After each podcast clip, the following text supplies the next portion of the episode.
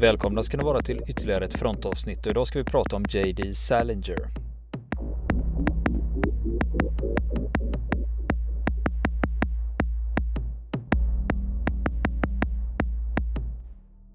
Och nu ska vi fortsätta prata om JD Salinger under andra världskriget. Och Salinger han tillhör ju CIC och deras uppgift är att stödja de stridande trupperna och de jobbar från tyska stabsplatser, kommunikationscentraler, telegrafväxlar och telefonväxlar. Och sen hade de en lista på folk som var kollaboratörer och så skulle de också ta hand om arkiv och förhöra.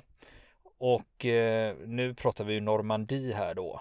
Och när de skulle, när de skulle ta över telefonväxeln i Saint-Mère-Reglis, den var förstörd. Så där hade inte de någonting att hämta.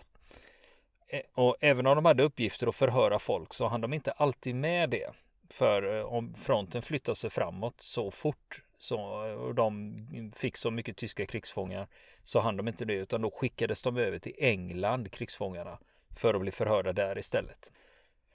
Just det, jag har ju, jag har ju jobbat lite grann med sådana, med CICs arkiv i Washington och eh, hämtat lite dokument ur det till eh, grejer som jag skrivit och de är, det är faktiskt väldigt intressanta de här rapporterna och just namnlistor där man ser vilka folk de inter, intresserade sig för och man, man märker att de hade jäkligt bra koll på väldigt långt ner i hierarkierna på personer som man skulle spåra upp.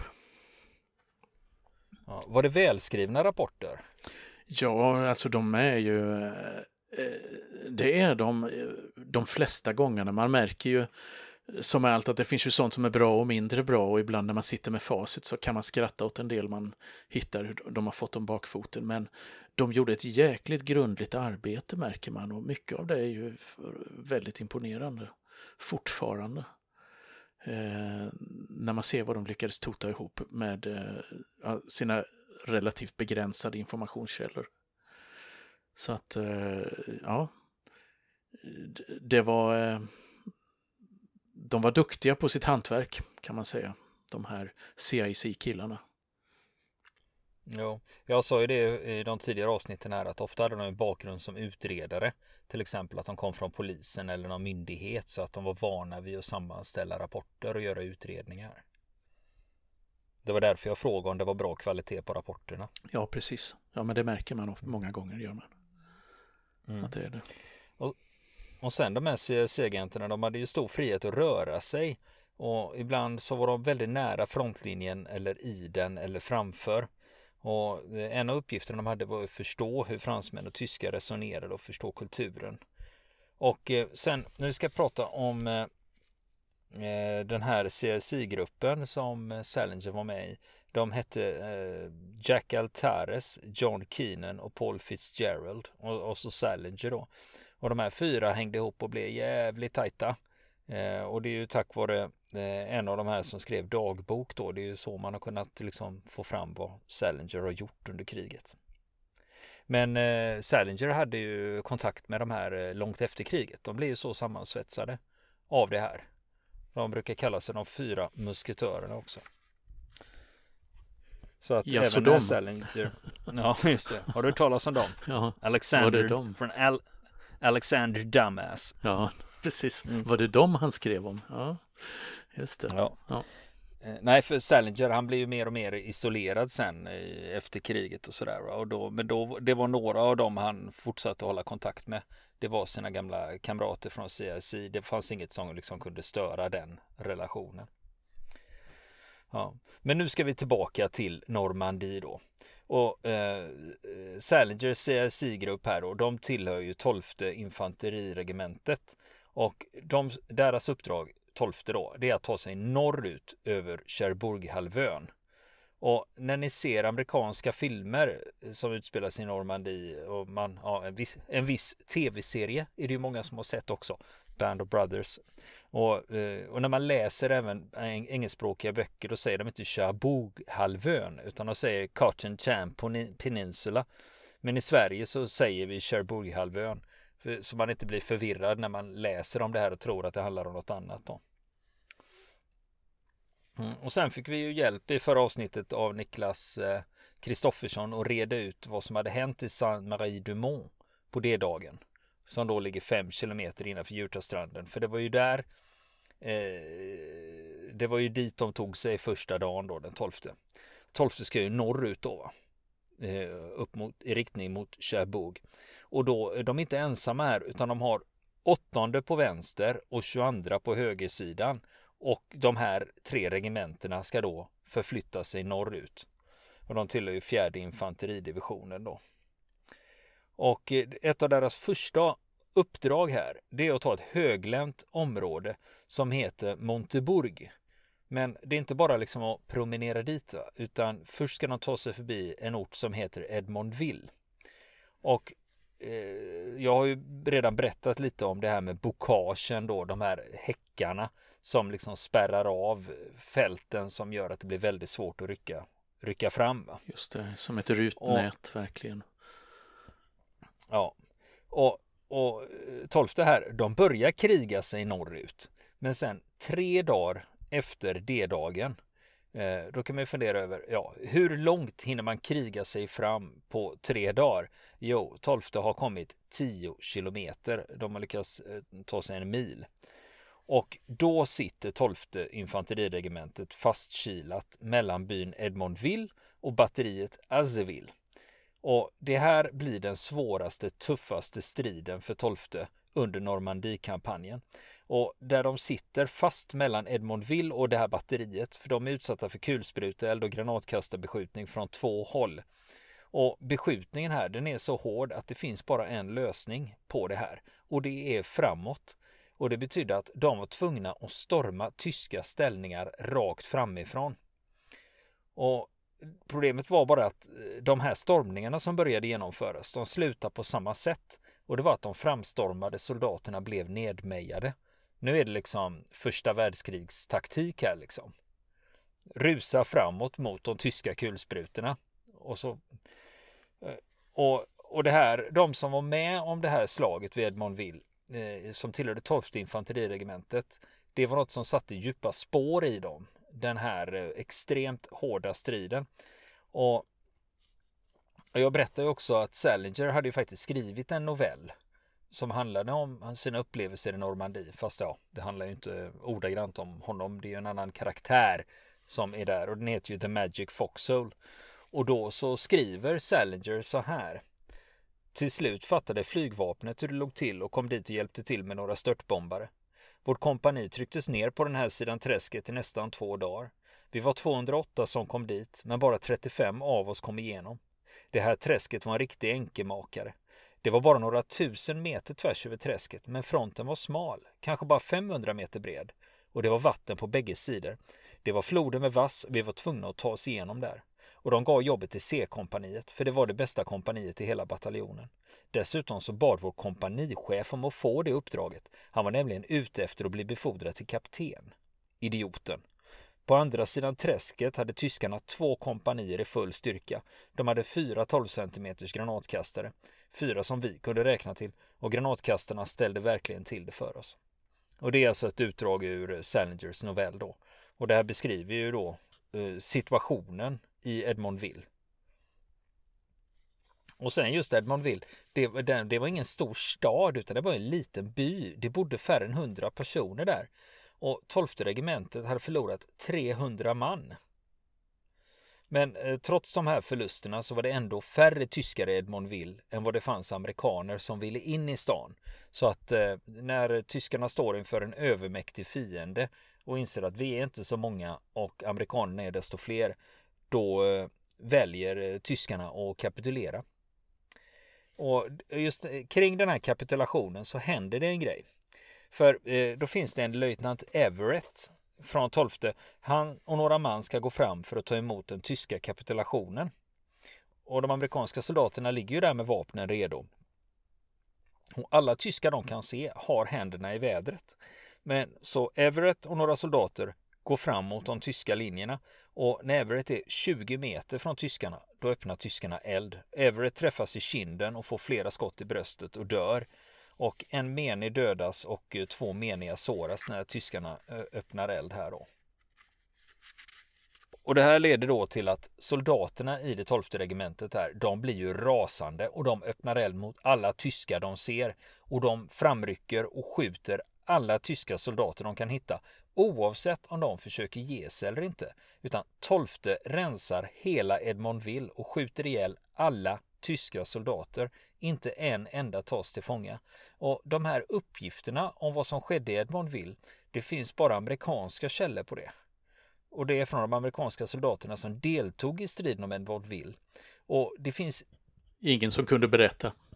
Nej, det var just det. Det, fanns inga tysk, det finns inga tyska uppgifter om det här och förklaringen var att alla tyskar dödades. Så det fanns ingen kvar som kunde berätta om det här. Utan det är soldaterna själva från 12 som har berättat om det här. Så att eh, de lyckas eh, ta sig igenom Edmondville och ta sig framåt. Och sen 12 juni, sex dagar efter det dagen, då skriver Salinger ett vykort till sin vän Whit Burnett som är eh, chefredaktör för tidningen Story. Och han berättar att han eh, förhör mest fransmän. Eh, och de här fransmännen de är oroliga över artilleriet men är glada över att amerikanerna har kommit. Och sen eh, ska ju då 12 fortsätta norrut. Målet är fortfarande Cherbourg och efter Edmondville då utsätts 12 för flera motanfall av tyska förband som kommer från Cherbourg-hållet som kommer norrifrån. Men 12 lyckas hålla ställningarna. Och anledningen till att Cherbourg är intressant här för de har ju, det finns ju en stor hamn va. Och det som eh, många av soldaterna minns av den här kampanjen eh, när de drar sig upp över Cherbourghalvön det är gatustriderna i de normandiska samhällena som de kommer in i. Orterna, byarna, städerna. För det var väldigt hårda strider när de skulle ta sig upp där. Ja, att det, var, det här var ju ett oerhört viktigt mål för de allierade Cherbourg. Därför att man hade ju ingen hamn. Man hade ju ingen... Eh, Mulberry. Eh, precis, man hade sina Mulberry-hamnar. Eh, som hade, blev skadade ganska snart efter, eh, efter eh, det dagen i en svår storm i kanalen.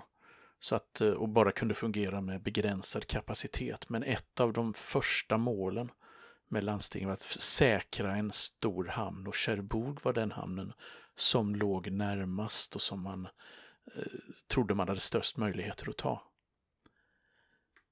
Eh, och sen när det då handlar om eh, Salinger, vad, vad gjorde han och vad hände egentligen under andra världskriget? Eh, och ett problem här är ju som jag redan har nämnt är att han har inte skrivit något själv utan eh, man har fått fylla i luckorna från hans eh, kamrats dagbok och liksom officiella dokument och sånt då. Men sen har vi ett annat problem då. Det finns en författare som heter Kenneth Slavensky. Han har skrivit en biografi över Salinger. Eh, och där skriver Slavensky så här. Ja, när Salinger väl kom till slagfältet var han tvungen att bli en ledare. Han tog befälet över skvadroner och plutoner och ledde dem i strid.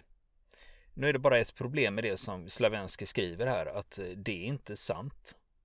Eh, det har inte hänt va. Eh, för Salinger tillhörde CIC och han ledde inga strider. Ja, och sen var det också, sen finns det då Slavenskis kritiker säger också att ja, bara det här sättet att han använder ordet skvadroner visar ju att Slavenski inte har så bra koll. Det är ju amerikanska flygvapnet som har skvadroner, men han kanske tänkte på squad, squadron då. Eh, så att det, ja men, eh, ja, men det här är alltså rent hittepå som han har liksom fantasi. Det finns inga belägg för att han skulle ha lett män i strid överhuvudtaget. Han var ju CIC liksom och inte skyttesoldat. Nej, det fanns ju, det fanns ju, det fanns ju exempel under, uh, under striderna på västfronten på att CIC-personal hamnade i strid, men då var ju det var ju mer av olyckshändelser så att säga. De, eh, deras postering blev, blev attackerad. Att de råkade hamna i vägen för tyska trupper. Till exempel under Ardenner-offensiven och så vidare. Men, men eh, det var ju undantagen från regeln. Var det ju. Och... Ja, precis. Ja, för Salinger till exempel själv, han var ju utsatt för prickskytteeld eh, vid ett tillfälle. Så han har ju varit utsatt för eh, finkalibrig eld eh, som han fick dyka i skydd och så. Men att han skulle då ha lett hela plutoner och sådär då. Det är väl snarare lite önsketänkande från Slavenskis sida kan jag tänka mig. Ja, och, jo, 12 här då. De är ju på väg mot Cherbourg och de har med sig 22 och 8 då på varsin sida. Men eh, ibland i de här fram, framryckningarna så går det undan. Eh, och då blir ett av deras uppdrag blir att rensa motståndsfickor. För man har liksom inte gått på en rät linje utan ibland har man ryckt fram lite längre på ett ställe och inte hunnit så långt på andra. Och eh, ett annat problem som finns här är att de tyska förbanden rör ju på sig. Va? Så att bara för att man har säkrat en by på förmiddagen och sen när man lämnar den då kan den vara tagen av tyskarna på eftermiddagen igen. Så där har vi vikten av att försöka hålla en frontlinje. Så att man liksom pressar tyskarna framför sig så man inte har dem i ryggen så de kan springa runt bakom sina egna linjer och ställa till det. Men hur som helst, den 18 juni, det är 12 dagar efter eh, landstigningen, då nådde USAs nionde infanteridivision Eh, halvöns västkust och isolera Cherbourg-garnisonen från eventuella förstärkningar. Så nu var den avspärrad då. Och sen inom 24 timmar, då körde den fjärde infanteridivisionen och det är ju där tolfte ingår då. då de körde ihop med nionde och 79 norrut på en bred front. Och just om man då tänker sig den här halvön, det var lite motstånd på den västra sidan av halvön och sen på östra sidan så kollapsade de utmattade försvararna runt Montebåg. Och det var ju dit som tolfte skulle, det var ju det deras, som var deras mål. Och sen upptäcktes flera stora upplag av V1-bomber. Och dessutom hittar man en V2-installation vid Brix i det här området. Mm. Och sen efter att man har lyckats med det här då, den 18 juni, då eh, inom två dagar så var de amerikanska divisionerna inom skjutavstånd från Cherbourg. Och, och hur var situationen i Cherbourg då? Jo, för det fanns ju en, kallar de det för Festung Cherbourg eller? Festung Cherbourg, ja, precis. Ja. För det var, man hade en garnisonsbefälhavare där, generallöjtnant Carl Wilhelm von Schlieben och han hade 21 000 man. Och 21 000 man, det låter ju ganska imponerande. Men många av de här kom från flottan eller från arbetsenheter.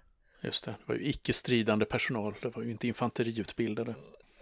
Nej, så bara för att du säger 21 000 så betyder inte det 21 000 soldater på det viset.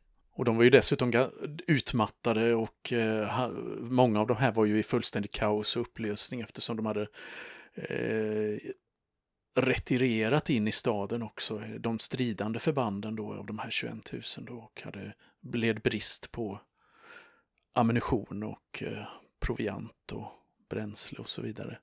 Så att det var ju inget optimalt läge heller för generalen som skulle försvara staden.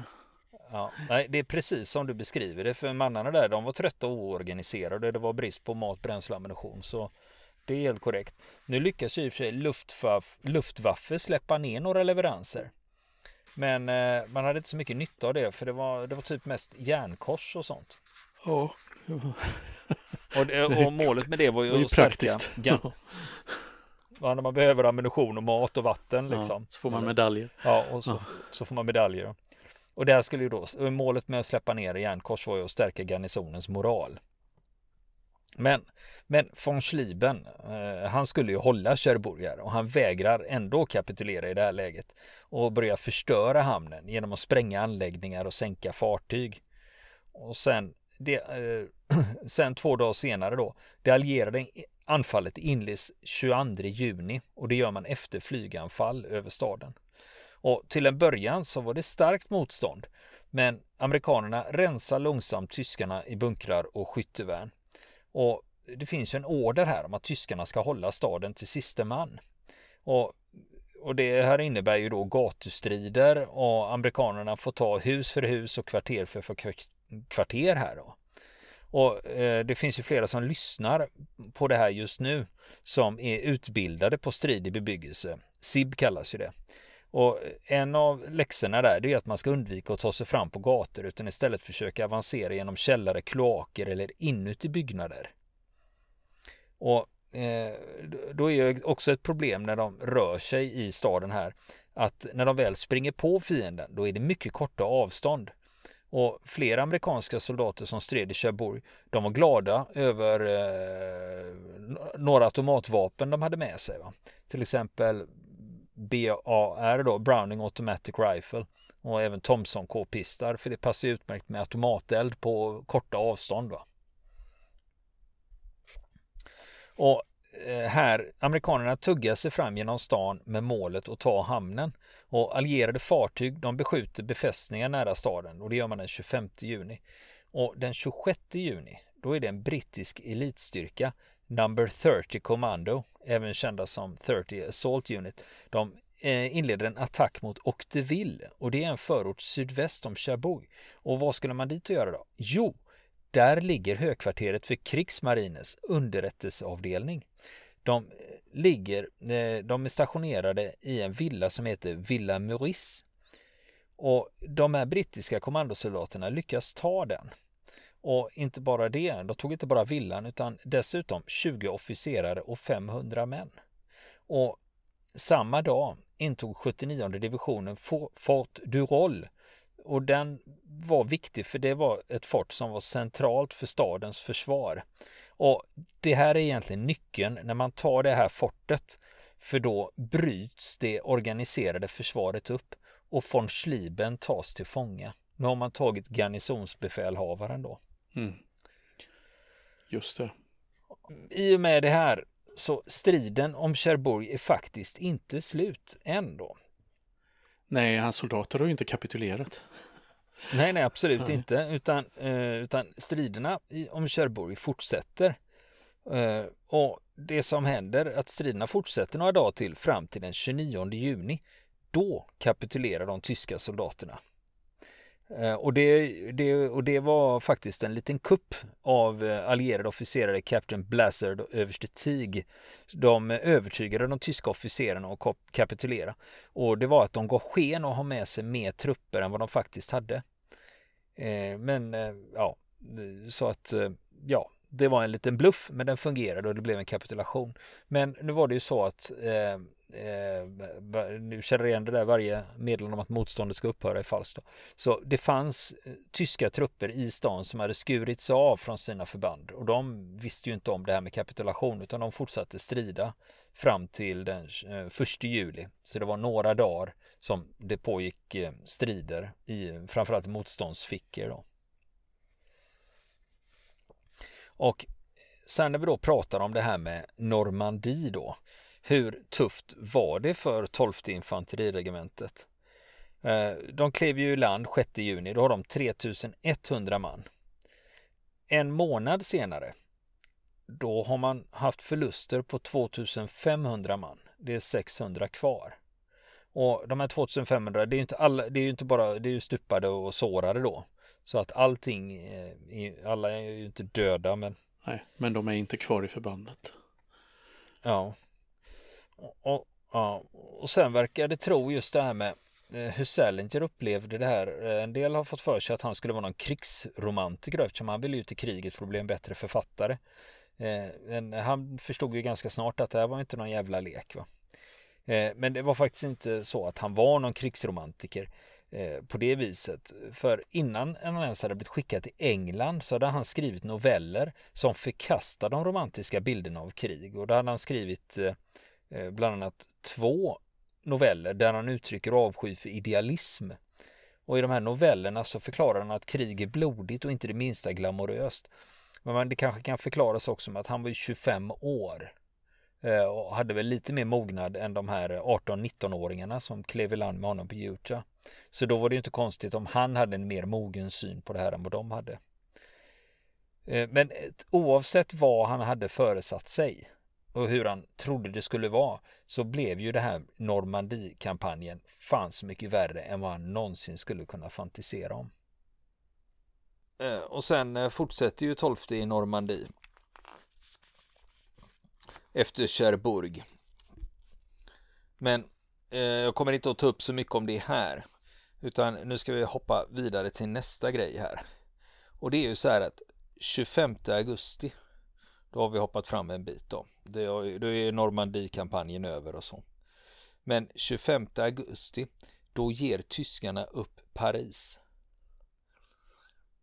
Och 12 infanteriregementet är en av de regementena som ska in först i stan då. Och var problemet att natten innan den här segerparaden som ska göras då hade det regnat så många var leriga och skitna. Utan de som var renast och hade helast uniformer, de fick gå längst fram och på sidorna. Eh, och så fick man stoppa in de skitna och de med trasiga uniformer i mitten så de inte syntes de. och det här eh, tänker man, eh, men funkar det här då? Ja, de, var nämligen 24 i bredd när de marscherade längs Champs-Élysées. Ja, just det, då kunde man gömma en hel del i mitten där ja. mm. Ja, och då var det eh, och, och tolfte eh, eh som kommer in då. Eh, där har vi CSI då, Salinger och hans grupp. Deras uppgift var att leta upp kollaboratörer. För de hade ju listor på det då. Och John Keenan som ingick i Salingers grupp, han berättade att han och Salinger, de hade faktiskt gripit en kollaboratör i Paris under befrielsen. Och när, då kommer det fram en folkmassa som har hört talas om det här, att amerikanska soldaterna har gripit en kollaboratör. Och pöben är ju arg och uppretad och eh, liksom i upploppsstämning. Så det som händer är att pöben, de sliter bort fången från Keenan och Salinger och slår ihjäl honom framför ögonen på dem. Och de kan inte göra något annat än att se på. Ja, herregud. De var, för, de var för få för att ingripa och göra något när det kommer en folkmassa då som är uppretad och arg då. Det är ju lite självbevarelsedrift också. Att, så de inte vänder sig mot dem. Just det. Så det är just det där med att se våld. När, att du ser någon bli ihjälslagen framför ögonen på dig. Det är klart att det sätter sina spår. Och Salinger då? Jo, han var i Paris några få dagar här under befrielsen. Men han beskriver det själv efteråt som att det var några av de lyckligaste dagarna under kriget. Och eh, eh, han efterlämnar faktiskt en anteckning om firandet av, i Paris, om hur det var att tåga in i staden när man var en amerikansk soldat. Han skrev så här. Jublet, kvinnorna kysste oss. Och han skriver också att jag hade kunnat ställa mig på min jeep och pissa mitt framför alla. Alla hade varit lika glada ändå. ja. Eufori. Ja, men sen för Salingers del så hände det andra grejer i Paris här va. För Salinger hade ju läst Hemingway. Och eh, han, han, hade koll på att Hemingway är just nu krigskorrespondent för tidningen Colliers och han är i Paris. Och Salinger hade ju läst tillräckligt mycket Hemingway för att gissa sig till vad kan Hemingway vara då? Jo, The Ritz, tänker Salinger. Så Salinger åker till Ritz, knallar in där och mycket riktigt, där sitter Hemingway. och dricker. så förutsägbart ja, ja på, på, något sätt liksom. Vad fan om Hemingway är i Paris, jag har ändå läst hans böcker, då sitter han säkert och dricker på The Ritz. Så det var precis vad han gjorde då. Och Salinger går rätt fram till Hemingway och säger Hej, jag heter Jerome D. Salinger och jag är författare. Och Hemingway ber honom sätta sig ner och beställa in något att dricka. Och Hemingway säger att Jo, Salinger ja, men jag har ju läst dina noveller i tidningarna. De är ju bra. Har du några nya noveller? Och då tar Salinger fram ett nummer av Saturday Evening Post för där har han med sig en av novellerna The Last Day of the Last Furlough. Och Hemingway läser den här och säger att vad fan det här är ju bra.